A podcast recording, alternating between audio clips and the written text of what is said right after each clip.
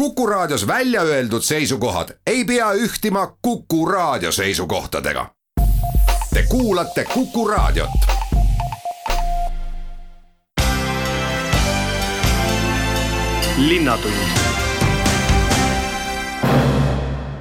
Tere, läbi seitsme intervjuu saate täna teada, kuidas on tööle läinud Tartu vaktsineerimiskeskus, milline on seal kliinikumi, kiirabi ja naiskodukaitse roll ja esimesed kogemused. seejärel võtame jutuks autovabaduse puiestee ja kutsume teidki kaasa mõtlema. räägime laupäeval algavast maastikummaratonist ning rattaralli variantidest ning lõpetuseks sellest, et taas lähevad käima eakate kepiringid.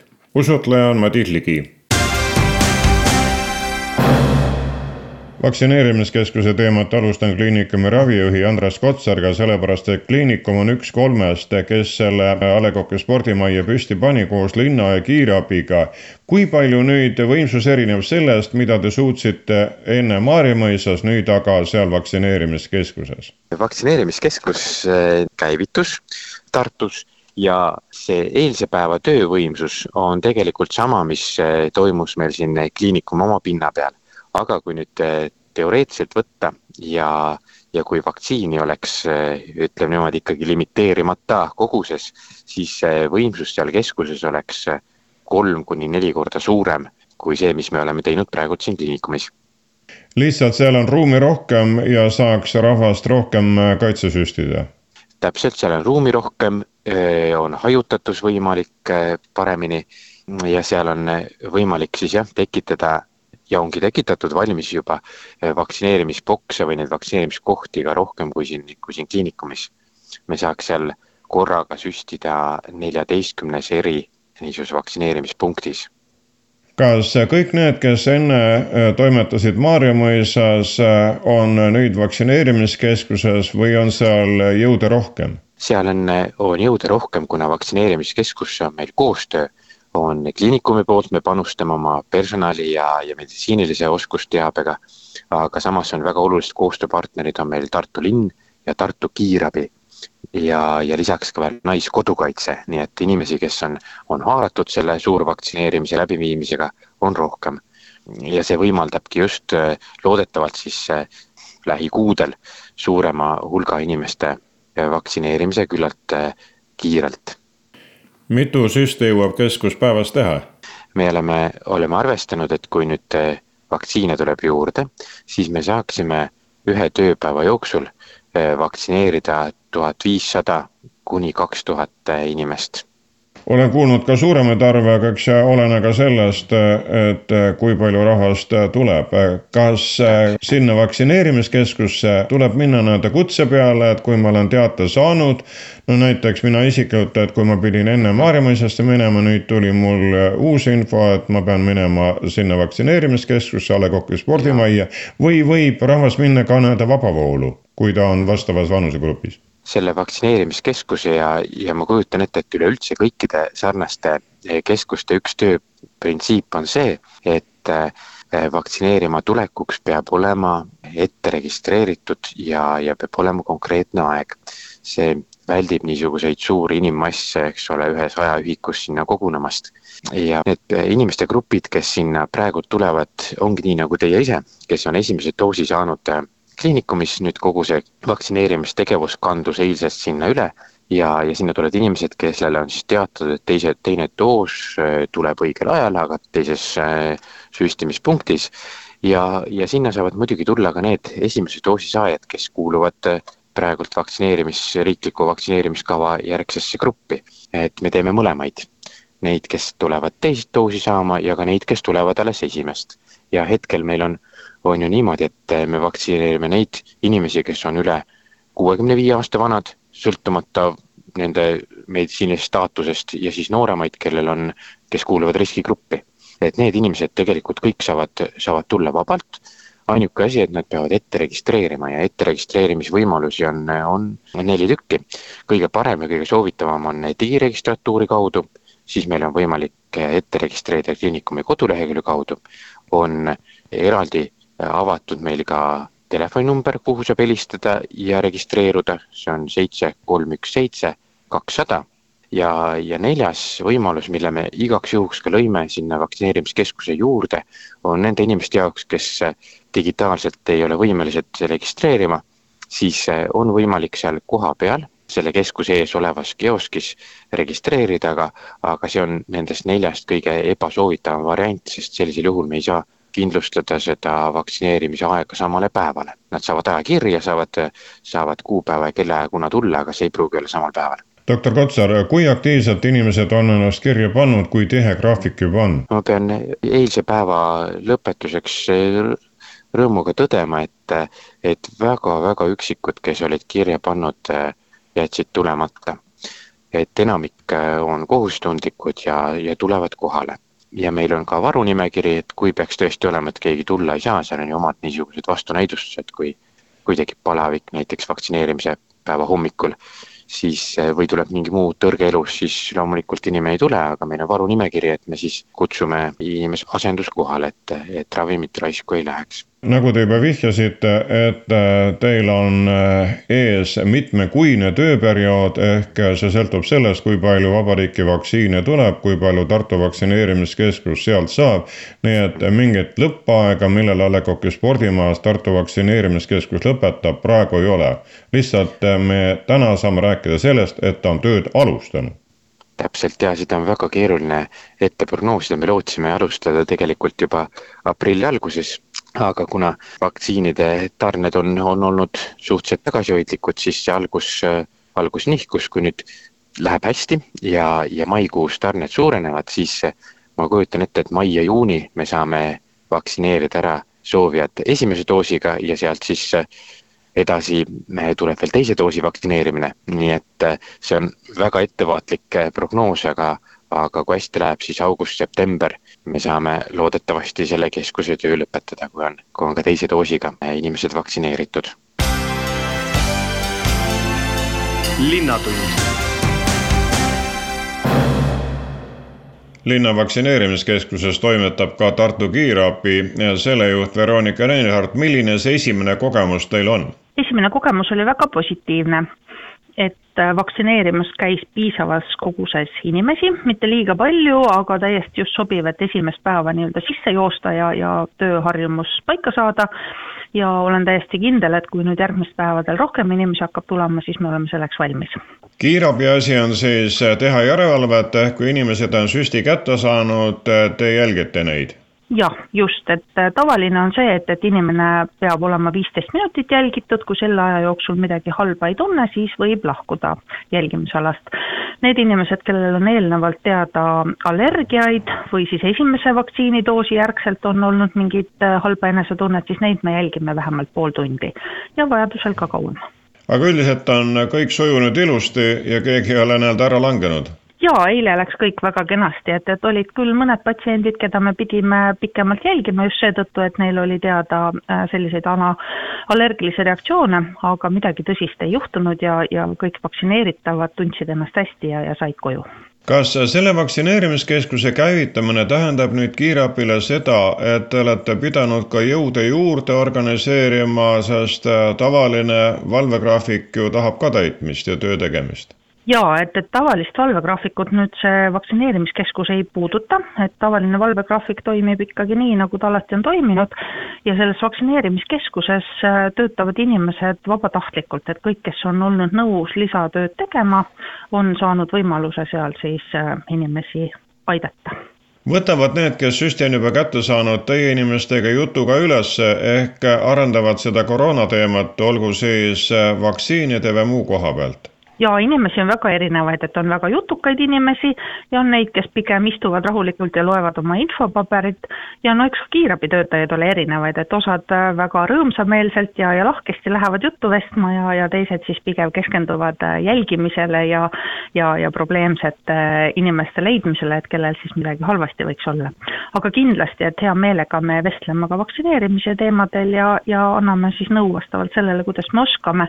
näiteks eile tunti huvi selle vastu, et, et kuidas siis käituda, kui pärast vaktsineerimist kodus näiteks tekib palavik või, või midagi halvasti tuntakse ja ma usun, et kiirabitöötaja on just õige inimene seda juhendama, mida siis inimene iseenda heaks teha saab kui see koroonavastane vaktsineerimine käis veel suures mahus Maarjamõisas peale perearstikeskuste, siis sealne selle tegevuse koordinaator ütles, et inimesed on väga sõbralikud ja kõik sujub nende vastastikuse mõistmise õhkkonnas. Teie saate tõdeda sedasama jaa, kindlasti, et vähemalt need inimesed, kes eile seal olid, olid kõik väga, väga rõõmsameelsed ja, ja väga vastutulelikud ja, ja tõesti nad tundusid õnnelikud ja, ja sellest oli ainult hea meel kui nüüd selle vaktsineerimise pealt vaadata kiirabi väljakutseid ja pöördumisi natukene laiemalt, siis kui palju koroona aeg on toonud ka teile pöördumisi, kas inimesed helistavad, küsivad nõu? Inimesed otse kiirabisse ei helista, et pigem inimesed helistavad siis kas häirekeskuse numbril või, või perearsti nõuandetelefoni numbril,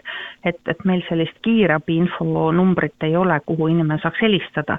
küll, kui kiirabibrigaad käib visiidis, siis äh, ka mõne muu häda pärast siis sageli küsitakse ka koroona, koroonateemalisi küsimusi ja ja noh, kui me teame vastuseid, siis me jagame neid ka inimestega, et, et me, ega me seda endale ei hoia kas mõni pärimine annab nagu tooni, tuleb teistest sagedamini esile ja välja? jaa, et äh, nüüd viimasel ajal ikkagi küsitakse nende kõrvaltoimete kohta, aga, aga me oleme ikkagi julgustanud inimesi vaktsineerima, sest et kõrvaltoimete esinemine on ikkagi niivõrd harv, et et äh, et kindlasti tasub ennast vaktsineerida ja, ja pigem seda haigust vältida, kui jääda kartma, et äkki mina olen see üks miljonist või kuuest miljonist, kes kõrvaltoime saab keskuses on ametis ka Naiskodukaitse ning ringkonnainstruktor Leana Morits on selle kohta ka teavet tegemas. milline on seal teie roll? meie roll on seal siis olla inimestele abiks nii-öelda, need, kes tulevad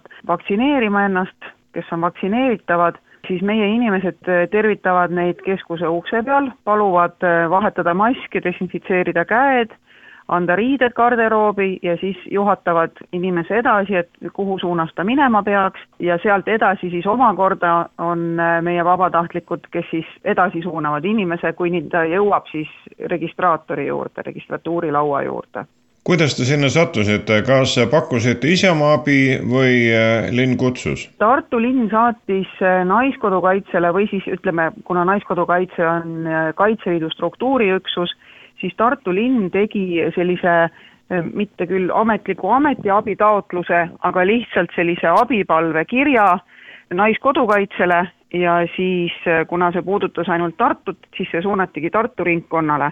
nii et jah, et linn kutsus meid appi ja see juhtus tegelikult juba märtsi keskel, et me oleme olnud eh, selles valmiduses, et oleme olnud juba aprilli algusest saadik valmis iga päev nii-öelda tööle hüppama. nüüd olete siis mitme kuu peale graafiku kokku pannud, et äh, inimesi seal alati oleks teie poolt? jaa, nüüd äh, see inimeste arv muutub, ta ka näiteks, kui oli esimene päev lõppenud keskuses, äh, saime aru, et, et oleks vaja ühte vabatahtlikku veel juurde, ehk et kui meil oli eile neli inimest, siis tänasest toimetab seal juba viis inimest. Kui keskuse lahtioleku aeg pikeneb või äh, hakatakse inimestele tihedamalt äh, broneerimisaegu andma, ehk et inimeste hulk ühe päeva jooksul muutub suuremaks, siis me suurendame ka oma vabatahtlike arvu, et äh, ikkagi töö sujuvalt toimuks ja kõik inimesed saaksid juhatatud võimalikult vähese ajaga võimalikult õigesse kohta ja vaktsineerimisele. mis kellast mis kellani peate kohal olema? no täna me alustame jällegi poole kolmest ja õhtul kella seitsmeni. reedel on, oleme siis kohal kella üheteistkümnest hommikul kuni kella seitsmeni, aga seal on siis juba kahes vahetuses inimesed ja maksimaalne, mida me oleme oleme siis planeerinud, ongi, et kella kümnest hommikul kuni kella seitsmeni õhtul. et sinna me teeme siis ka veel ühe vahetuse juurde et siis vabatahtlikel ei läheks see ikkagi väga koormavaks, kõik see töö, vaid et ähm, noh, kolm vahetust päeva jooksul siis inimesed käiksid. mis siis võiks tähendada maksimum kakskümmend üks vabatahtlikku ühe päeva jooksul. Kas vabatahtlikke jagub või tuleb veenda inimesi? vabatahtlikke algusest peale on jagunud, mul on olnud väga hea meel, et, et Äh, minu ühekordse üleskutse peale meie Naiskodukaitse Tartu ringkonna listis vastas juba ligi seitsekümmend inimest. Ja linnavalitsus omalt poolt tegi ka üleskutse siis oma kanalite kaudu ja ka sealtpoolt on, on vastanud umbes sama palju inimesi. see inimeste arv kogu aeg muutub, aga, aga alguses oli tõesti sada kolmkümmend kaheksa inimest, kes olid nõus tulema aitama. ja, ja see enam-vähem sellisena on see ka püsinud, et noh, siin isiklikel põhjustel mõni inimene loobub, aga samas jälle mõni inimene tuleb juurde, nii et see selline üldine arv on, on umbes sama kus veel koroona ajal on Naiskodukaitse oma energiat rakendanud selleks, et teistel kergem oleks? me oleme praegu ka abis Häirekeskuse telefonil üks, kaks, neli, seitse, siis Tartu maakonnas, Tartu linnas ja meil on valmidus minna appi appi ka hooldekodudele, kui nad äh, meie poole pöörduvad. linnatund linnatund läheb edasi autovabaduse puiesteega ning telefoni on Tiigi seltsimäe juht äh, Maris Peebo. mida läinud aasta, esimene aasta selle koha pealt õpetas? õpetas seda, et, et tartlased ja linnakülalised tegelikult oskasid ähm, endale ka väga hästi ise meelelahutust leida. oli see ju selline esimene erakordne aasta ja suvi meie kogemuses, et ei olnud võimalik, et keegi kellaajaliselt äh, kogu aeg kusagil tänavanurgal kedagi lõbustaks ja, ja tegevust pakuks. aga see õpetas seda, et, et Ähm, sellises toredas pargi moodi keskkonnas äh, on hea aega veeta ja see õpetas seda, et äh, kui kokku saavad väga erinevad korraldajad, erinevad teemad ja valdkonnad, et siis sellised suured pikaaegsed, mitu nädalat kestvad üritused teoks saavadki, õigemini ettevõtmised kõige rohkem tundsid sellest autovabaduse puiesteest ja tema veelõbudest rõõmu meie väikesed kaasmaalased. tõsi, vesi meeldib äh, kõigile, aga eks olegi, lapsed on peaaegu et kõige tähtsamad inimesed maailmas tundub nii, et, et kõik need atraktsioonid, mille te mullu püsti panite, leidsid kasutamist, nii et mööda ei pandud millegagi? ma julgeksin üsna enesekindlalt äh, seda sinu küsimusele nüüd vastu öelda küll jah. Et äh, otseselt äh, kasutamata ei, ei seisnud midagi, mis aga ei tähenda, et, äh, et ei saaks paremini, tuumakamalt ja toredamini edasi minna Neid külastusi oli saja viiekümne tuhande kanti kindlasti, aga ütleme, sellises avalikus linnaruumis mingis mõttes on ka sellist piiri nagu väga keeruline ja, ja äkki ka võib-olla mitte väga, väga mõttekas endale seada. et see ei olnud ju kuidagi piiratud äh, kontserdisaal, et äh, iseenesest, kui inimesed käitusid äh, mõistlikult ja kenasti, siis tegelikult võis seal võrkkiiges ka päris hiliste õhtutundideni rahulikult olla. et mine tea, palju seda tegelikult tehti, eks ole jah, eks see arv ole hinnanguline, kuid oluline on see, et saavutati elevus ning midagi uut ilmus Tartu linnaruumi ja see uus oli sellise tasemega ja tagasisidega, et sel nädalal tuli teade, et ka eeloleval suvel tuleb Tartus autovabaduse puiestee, ainult natukene teises mõõdus. ja võib öelda, et tegelikult kujunduslahendus kasvab poole suuremaks me laieneme ka kesklinna parki, nii et väga mõnusaks äraolemiseks jääb kasutada äh, alaküüni tänavast Emajõeni. oma panuse saabuvale suvisele toredusele annavad ju juurde veel uuenduskuuri läbe, läbinud jõeäärsed kohvikud aga kui mainida paari asja, mida mm, pargis näha ja teha saab, siis tegelikult juba eile saabus sinna Bobi Sägeri fotonäitus, äh, mis oli üleval Tallinnas ja nüüd jääb kuni autovabaduse lõpuni mm, Tartusse parki saabub veel mõnusate tugitoolide ja diivanitega karussell, seal hakkavad koostöös Tartu kunstimajaga ennast maalima sättima neli kunstnikku, sinna tuleb noorsootöö keskusala, rulapark, elurikkuse esimesed õied on tegelikult juba praegu näha, seal on tunduvalt armsam ja mitmekesisem olla kui eelmisel kevadel me räägime täna seda juttu sellepärast, et kõigil on võimalik oma mõtetega välja tulla, kellel on mõni idee, kuidas siis seitsmendast juulist kaheksanda augustini kesklinnas toimetada,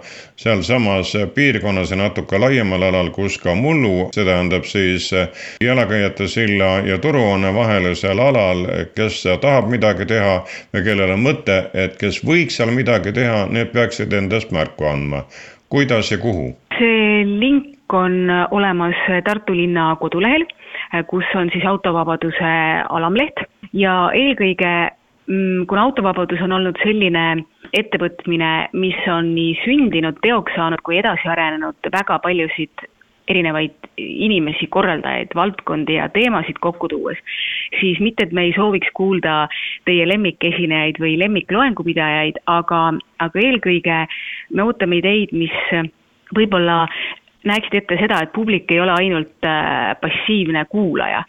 et äh, publik võiks kaasa mõelda, me võib-olla võiksime midagi saada koos teha, võib-olla on see hoopis mingisugune pikem idee või protsess, mis sealt idanema hakkab.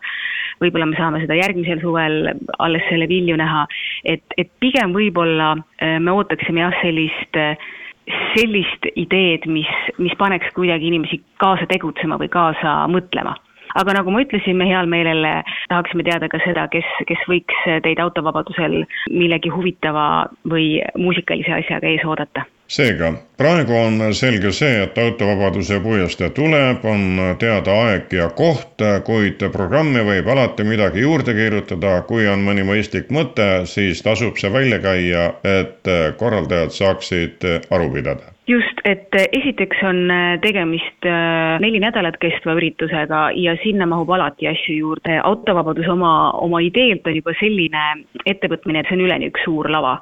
et seal võib mingi hetk keegi kusagil basseini serval oma viiuli välja võtta ja sellest saab, jääb selline väga, väga mõnus ja tore kogemus ja mälestus, et see ei ole selline lõpuni paika pandud surmkindlate kellaaegadega ettevõtmine kindlasti, nii et me ootame neid ideid tegelikult ka ka siis veel, kui autovabadus on juba nüüd teist korda peale hakanud.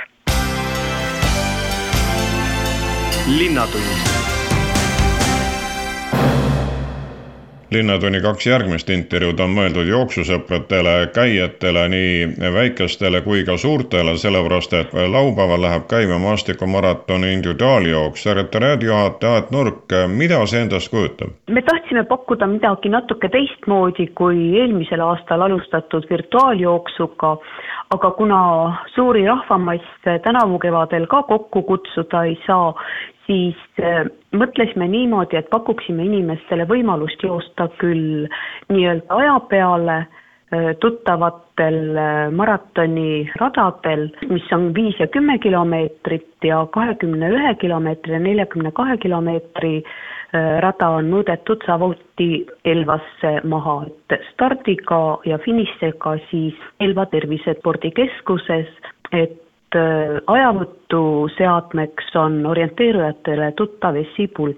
kuna nende pulkade arv on piiratud ja me oleme piiranud ka korraga rajale minevate inimeste arvu ja selleks, et saaks ja laabuks kõik, kogu see korraldus sujuvalt, siis tuleks broneerida enda jooksuaeg meie kodulehel olevas ajavõtu broneeringusüsteemis kui kaua seda teha saab? seda saab teha tegelikult terve jooksuperioodi vältel, et kui enam ei ole vabu aegu teatud, teatud kellaajaks, teatud päeval, siis süsteem sinna valikut teha ei saa, aga tasuks teha see valik ära, varem mõelda oma selle üheksa päeva plaanid nagu läbi, vaadata võib-olla ka ilmateadet ja teha see otsus varem ära, siis on ka korraldajatel äh, lihtsam oma tööd sättida kui aktiivselt on jooksusõbrad seda kutset kuulda võtnud ja ennast äh, juba kirja pannud ja aja ka? üsna, üsna aktiivselt on see käima läinud, et äh, ja kõige populaarsemad ajad on laupäeva hommikupoolikud, et nii esimesel kui kaheksandal, et et seal on väikest liikumist, aga, aga need ajad on suhteliselt täis.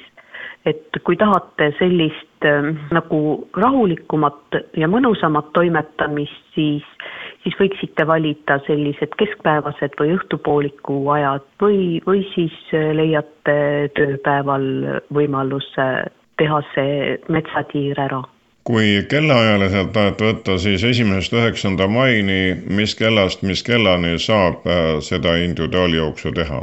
see infopunkt ja, ja esipulkade väljaandmine on hommikul kella kümnest õhtul kella seitsmeni, aga jooksurajalt saab veel kuni kella kaheksani tagasi tulla. ning niiviisi saab siis osaleda kas neljakümne kahe, kahekümne ühe, kümne või viie kilomeetri distantsil? Jah, et äh, see tavapärane kahekümne nelja kilomeetri distants on individuaaljooksul natukene lühem, et see annab nagu poolmaratoni läbimise aja. kuid äh, maastikumaratonil ei käi mitte üksnes jooksjad, vaid ka kepikandjad, kas äh, nendele kehtib sama kord? täpselt sama kord, nende tulemus läheb koos jooksjatega samasse protokolli ja juba, juba mõnda aastat me kepikõndjaid ja jooksjaid nagu ei erista, et kes tahab vahepeal teha mõned jooksusammud või jooksusammude vahel väikesema kõndita, et see ei ole tähtis. Kellele ei ole ka aeg tähtis, need saavad osaleda lihtsalt virtuaalses variandis ehk austada traditsioonilist üritust oma osavõtuga jah, virtuaaljooks on meil juba mõnda aega kestnud ja kestab, kestab pikemalt kui individuaaljooksu aeg, et see on kuni kuueteistkümnenda maini no käima on läinud mitte üksnes äh, valmistumine uueks äh, jooksuhooajaks, äh, nagu matkarajad, jooksurajad näitavad, on rahvas väga aktiivne, lisaks sellele on ju praegu ka orienteerijad, püsirajad välja pandud, et saab seal ka ennast proovile panna või vähemalt treenida. on alanud ju ka rattasõit jahedatele ilmadele vaatamata on rattureid siiski näha, eks nädalavahetus oma soojade ilmadega toob neid jälle rohkem tee peale. kui vaadata nüüd ses plaanis Tartu maratoni programmi, siis eh, mis eh, otsuse on korraldajad teinud rattaralli suhtes? siin lähipäevadel hõikame välja ka tõenäosus rattarallit tavapärasel moel pidada on, no ütleme, praktiliselt olematu. aga virtuaalrattaralli läheb käima juba esimesest maist jätkan teemat juba Tartu maratoni projektijuhi Oliver Kivimäega, kelle hooleks on lastejooksude korraldamine. kuidas siis sel aastal? Sel aastal äh, nagu juba võib öelda tavapäraseks saanud, on äh, lastejooksud virtuaalkujul. et kõik lapsed saavad joosta oma vanematega või oma sõpradega või, või on ka paljud äh, teinud lasteaiagruppidega näiteks kui Elva metsas on juba märgid väljas, siis kas lastejooksude distantsidel Tähtveres on ka rajatähistus üleval ehk kus joosta? joosta võib jah, kus iganes, kas koduhoovis või kergliiklusteel või või Tähtvere spordipargis, kus on üleval nii-öelda tavapärane spordipargi eh, rajatähistus, et eraldi lastejooksude tähistust seal ei ole, aga aga ma arvan, et keegi seal ka ära ei eksi peavad lapsed ennast ka kirja panema või lihtsalt andma Tartu maratonile märku oma osavõtust, kui nad on juba ära jooksnud? võib kõigepealt ära joosta ja siis kodulehel kirja panna, aga võib ka enne ära registreerida ja ja siis pärast äh, nii-öelda andmed üles laadida, et oluline on just need andmed üles laadida, et siis tuleb ka postiga medal koju ja, ja saab ka loosimängudes osaleda. lastel on tegelikult meil juba jooksud avatud olnud esimesest aprillist ja, ja kestavad kuueteistkümnenda maini, et andsime seekord pikalt aega toimetada kogu selle nii-öelda virtuaalipoolega peale jooksu tuleb maratonisarjas järgmisena rattaralli. kas otsus on sündinud, kuidas lapsed sel aastal saavad ühisest väntamisest rõõmu tunda? tõenäoliselt on ka rattaga ainus võimalus eh, teha virtuaalsõitu, et praegu paistab, et, et veel suuremaid massiüritusi mai lõpus teha ei saa. et kui eelmine kevad oli jooks virtuaalselt ja rattaralli lastel üldse ei toimunud, et siis sel äh, kevadel saame vähemalt virtuaalrattarallit pakkuda. et kui jooks saab tehtud, siis saab kohe hakata jälgima infot rattaralli kohta ja, ja hakata rattasõiduga tegelema lõpetuseks ka infot meie eakamatele kuulajatele, sellepärast et esmaspäeval lähevad uuesti käima Tartu eakate kõnniringid ja linnavalitsuse tervisespetsialist Riin Saaremets on selle kohta ka meile teavet jagamas kus tuleks siis kohal olla? tõepoolest, äh, Tartu linnavalitsus on jälle korraldamas äh, eakate kõnniringe. eakate kõnniringide toimumise aegu on väga lihtne meeles pidada. Need sarnaselt varasemalt hakkavad toimuma esmaspäevast reedeni kell üheksa kolmkümmend igal päeval on konkreetses alguspunktis. alguspunkte on viis ja esimene eakate kõnniring leiab aset kolmandal mail kesklinnas Peeter Põllu platsil on algus ja lõpp ja algusega kell üheksa kolmkümmend. kui pika graafiku olete esimese hooga maha pannud, kui kaua need äh, kõnniringid kestavad? kõnniringid äh, kestavad meil kahekümne teise juunini ja igal tööpäeval. esmaspäeviti on algusega Peeter Põllu platsilt, teisipäeviti algusega Tartu Ülikooli keemikumi ees, kolmapäeval Üle jõe ees Tartu seikluspargi juurest neljapäeval Annelinna raamatukogu eest ja Ropka on viimane reedel kohviku paviljoni eest ja kõik kellaajad on kell üheksa kolmkümmend. kui pikad tiirud tehakse? ühe tiiru äh, pikkus on äh, ütleme, et poolteist tundi kuni kaks tundi, olenevalt siis seltskonnast ja eesmärk on äh, siis pigem suhelda omavahel mitte olla sportlikud, et meie eesmärk on äh, vahetada kontakte, saada uusi sõprussuhteid ja meiega liituvad ka jututaja noored selleks no teie varasemad kogemused näitavad järelikult, et selline ühine liikumine ja sellest rõõmu tundmine ja suhtlemine on eakate poolt hästi vastu võetud ja tasub uuesti alustada. täpselt nii. tuleb lihtsalt kohale tulla või peab enne oma soovist ka kellelegi teada andma? eakate kõnniringidele ei pea midagi kuskile helistama, ei pea registreerima, meil on äh, avatud äh, ringid, tuleb lihtsalt äh, õigel ajal kohale tulla, seejärel toimub väike soojendus ja lähme siis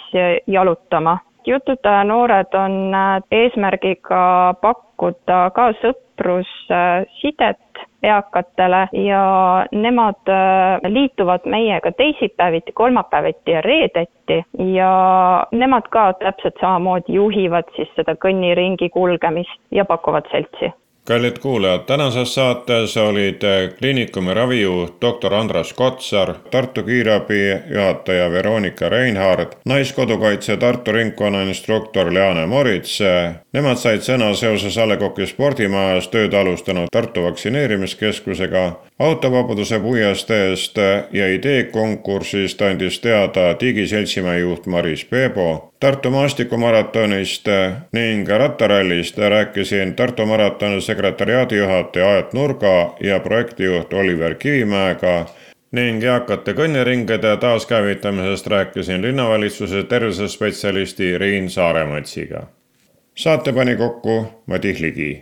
aitäh kuulamast, olge terved! linnatund